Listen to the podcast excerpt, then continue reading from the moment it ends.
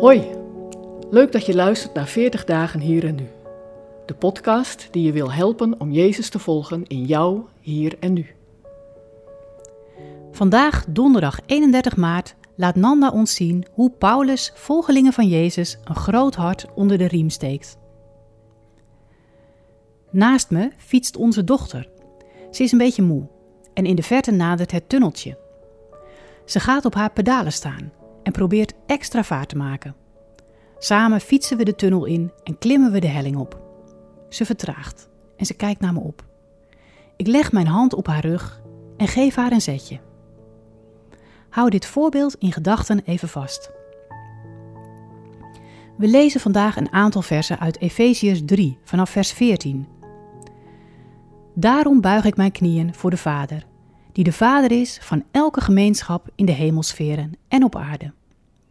Mogen Hij vanuit zijn rijke luister uw innerlijke wezen kracht en sterkte schenken door Zijn geest, zodat door uw geloof Christus kan gaan wonen in uw hart en u geworteld en gegrondvest blijft in de liefde. Dan zult u met alle heiligen de lengte en de breedte, de hoogte en de diepte kunnen begrijpen, ja, de liefde van Christus kennen, die alle kennis te boven gaat, opdat u zult volstromen met Gods volkomenheid.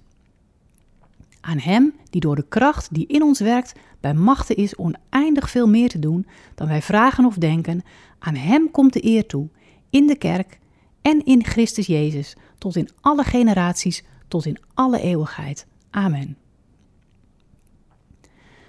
Paulus kan soms zo euforisch zijn, zo verheven, zo vol van de geest. Maar ook zo ver verwijderd van deze wereld, zo ver van 2022 met al zijn gebrokenheid. Ik zie beelden van vluchtelingen op het nieuws en op het moment dat je naar deze aflevering luistert, zijn ze waarschijnlijk ook in jouw omgeving gearriveerd. Oekraïners die de oorlog ontvlucht zijn, getraumatiseerd. Ze hebben alles achtergelaten en zijn hals over kop vertrokken uit hun vaderland dat er zwaar gewond bij ligt. Kapot gemaakt door een oorlog die alleen maar verliezers kent. Wat kunnen wij nu met de woorden van Paulus? Hoe raakt de wereld van Paulus die van jou en mij? Paulus schrijft deze brief terwijl hij gevangen zit. Hij schrijft met zijn handen geboeid, achter tralies, terwijl hem onrecht wordt aangedaan. Paulus schrijft terwijl hij onderdeel is van een diep gebroken wereld. En daarom is wat hij schrijft nog steeds actueel. Om het beter te begrijpen moeten we terug naar het begin van zijn brief. In hoofdstuk 1 en 2 beschrijft Paulus welke geestelijke zegeningen wij als gelovigen in Christus hebben ontvangen. Hij schrijft over het geheim dat aan ons geopenbaard is en de kracht die werkzaam is in ons. Hij schrijft over hoe God ons in zijn grote liefde samen met Jezus van dood levend heeft gemaakt. Hij schrijft twee lange hoofdstukken door over het wonder dat ons is overkomen.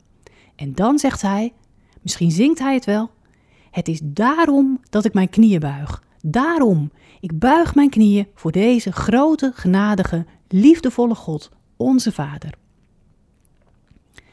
Paulus geeft ons een zetje. Wij kijken naar onze omstandigheden, naar de ellende in de wereld. We twijfelen, vertragen en vragen ons af of dit ooit nog goed kan komen. En dan legt Paulus met zijn woorden een hand op onze rug en geeft ons een zetje, duwt ons in de richting van Christus. Jezus, in wie wij zoveel hebben ontvangen. Jezus die ons zo lief heeft. Jezus, onze enige hoop. Bij Hem moeten we zijn. Twee opdrachten voor vandaag. Laat je Paulus een zetje geven en neem vandaag de tijd om Efeziërs 1, 2 en 3 te lezen. Aan wie kun jij vandaag een zetje richting Jezus geven?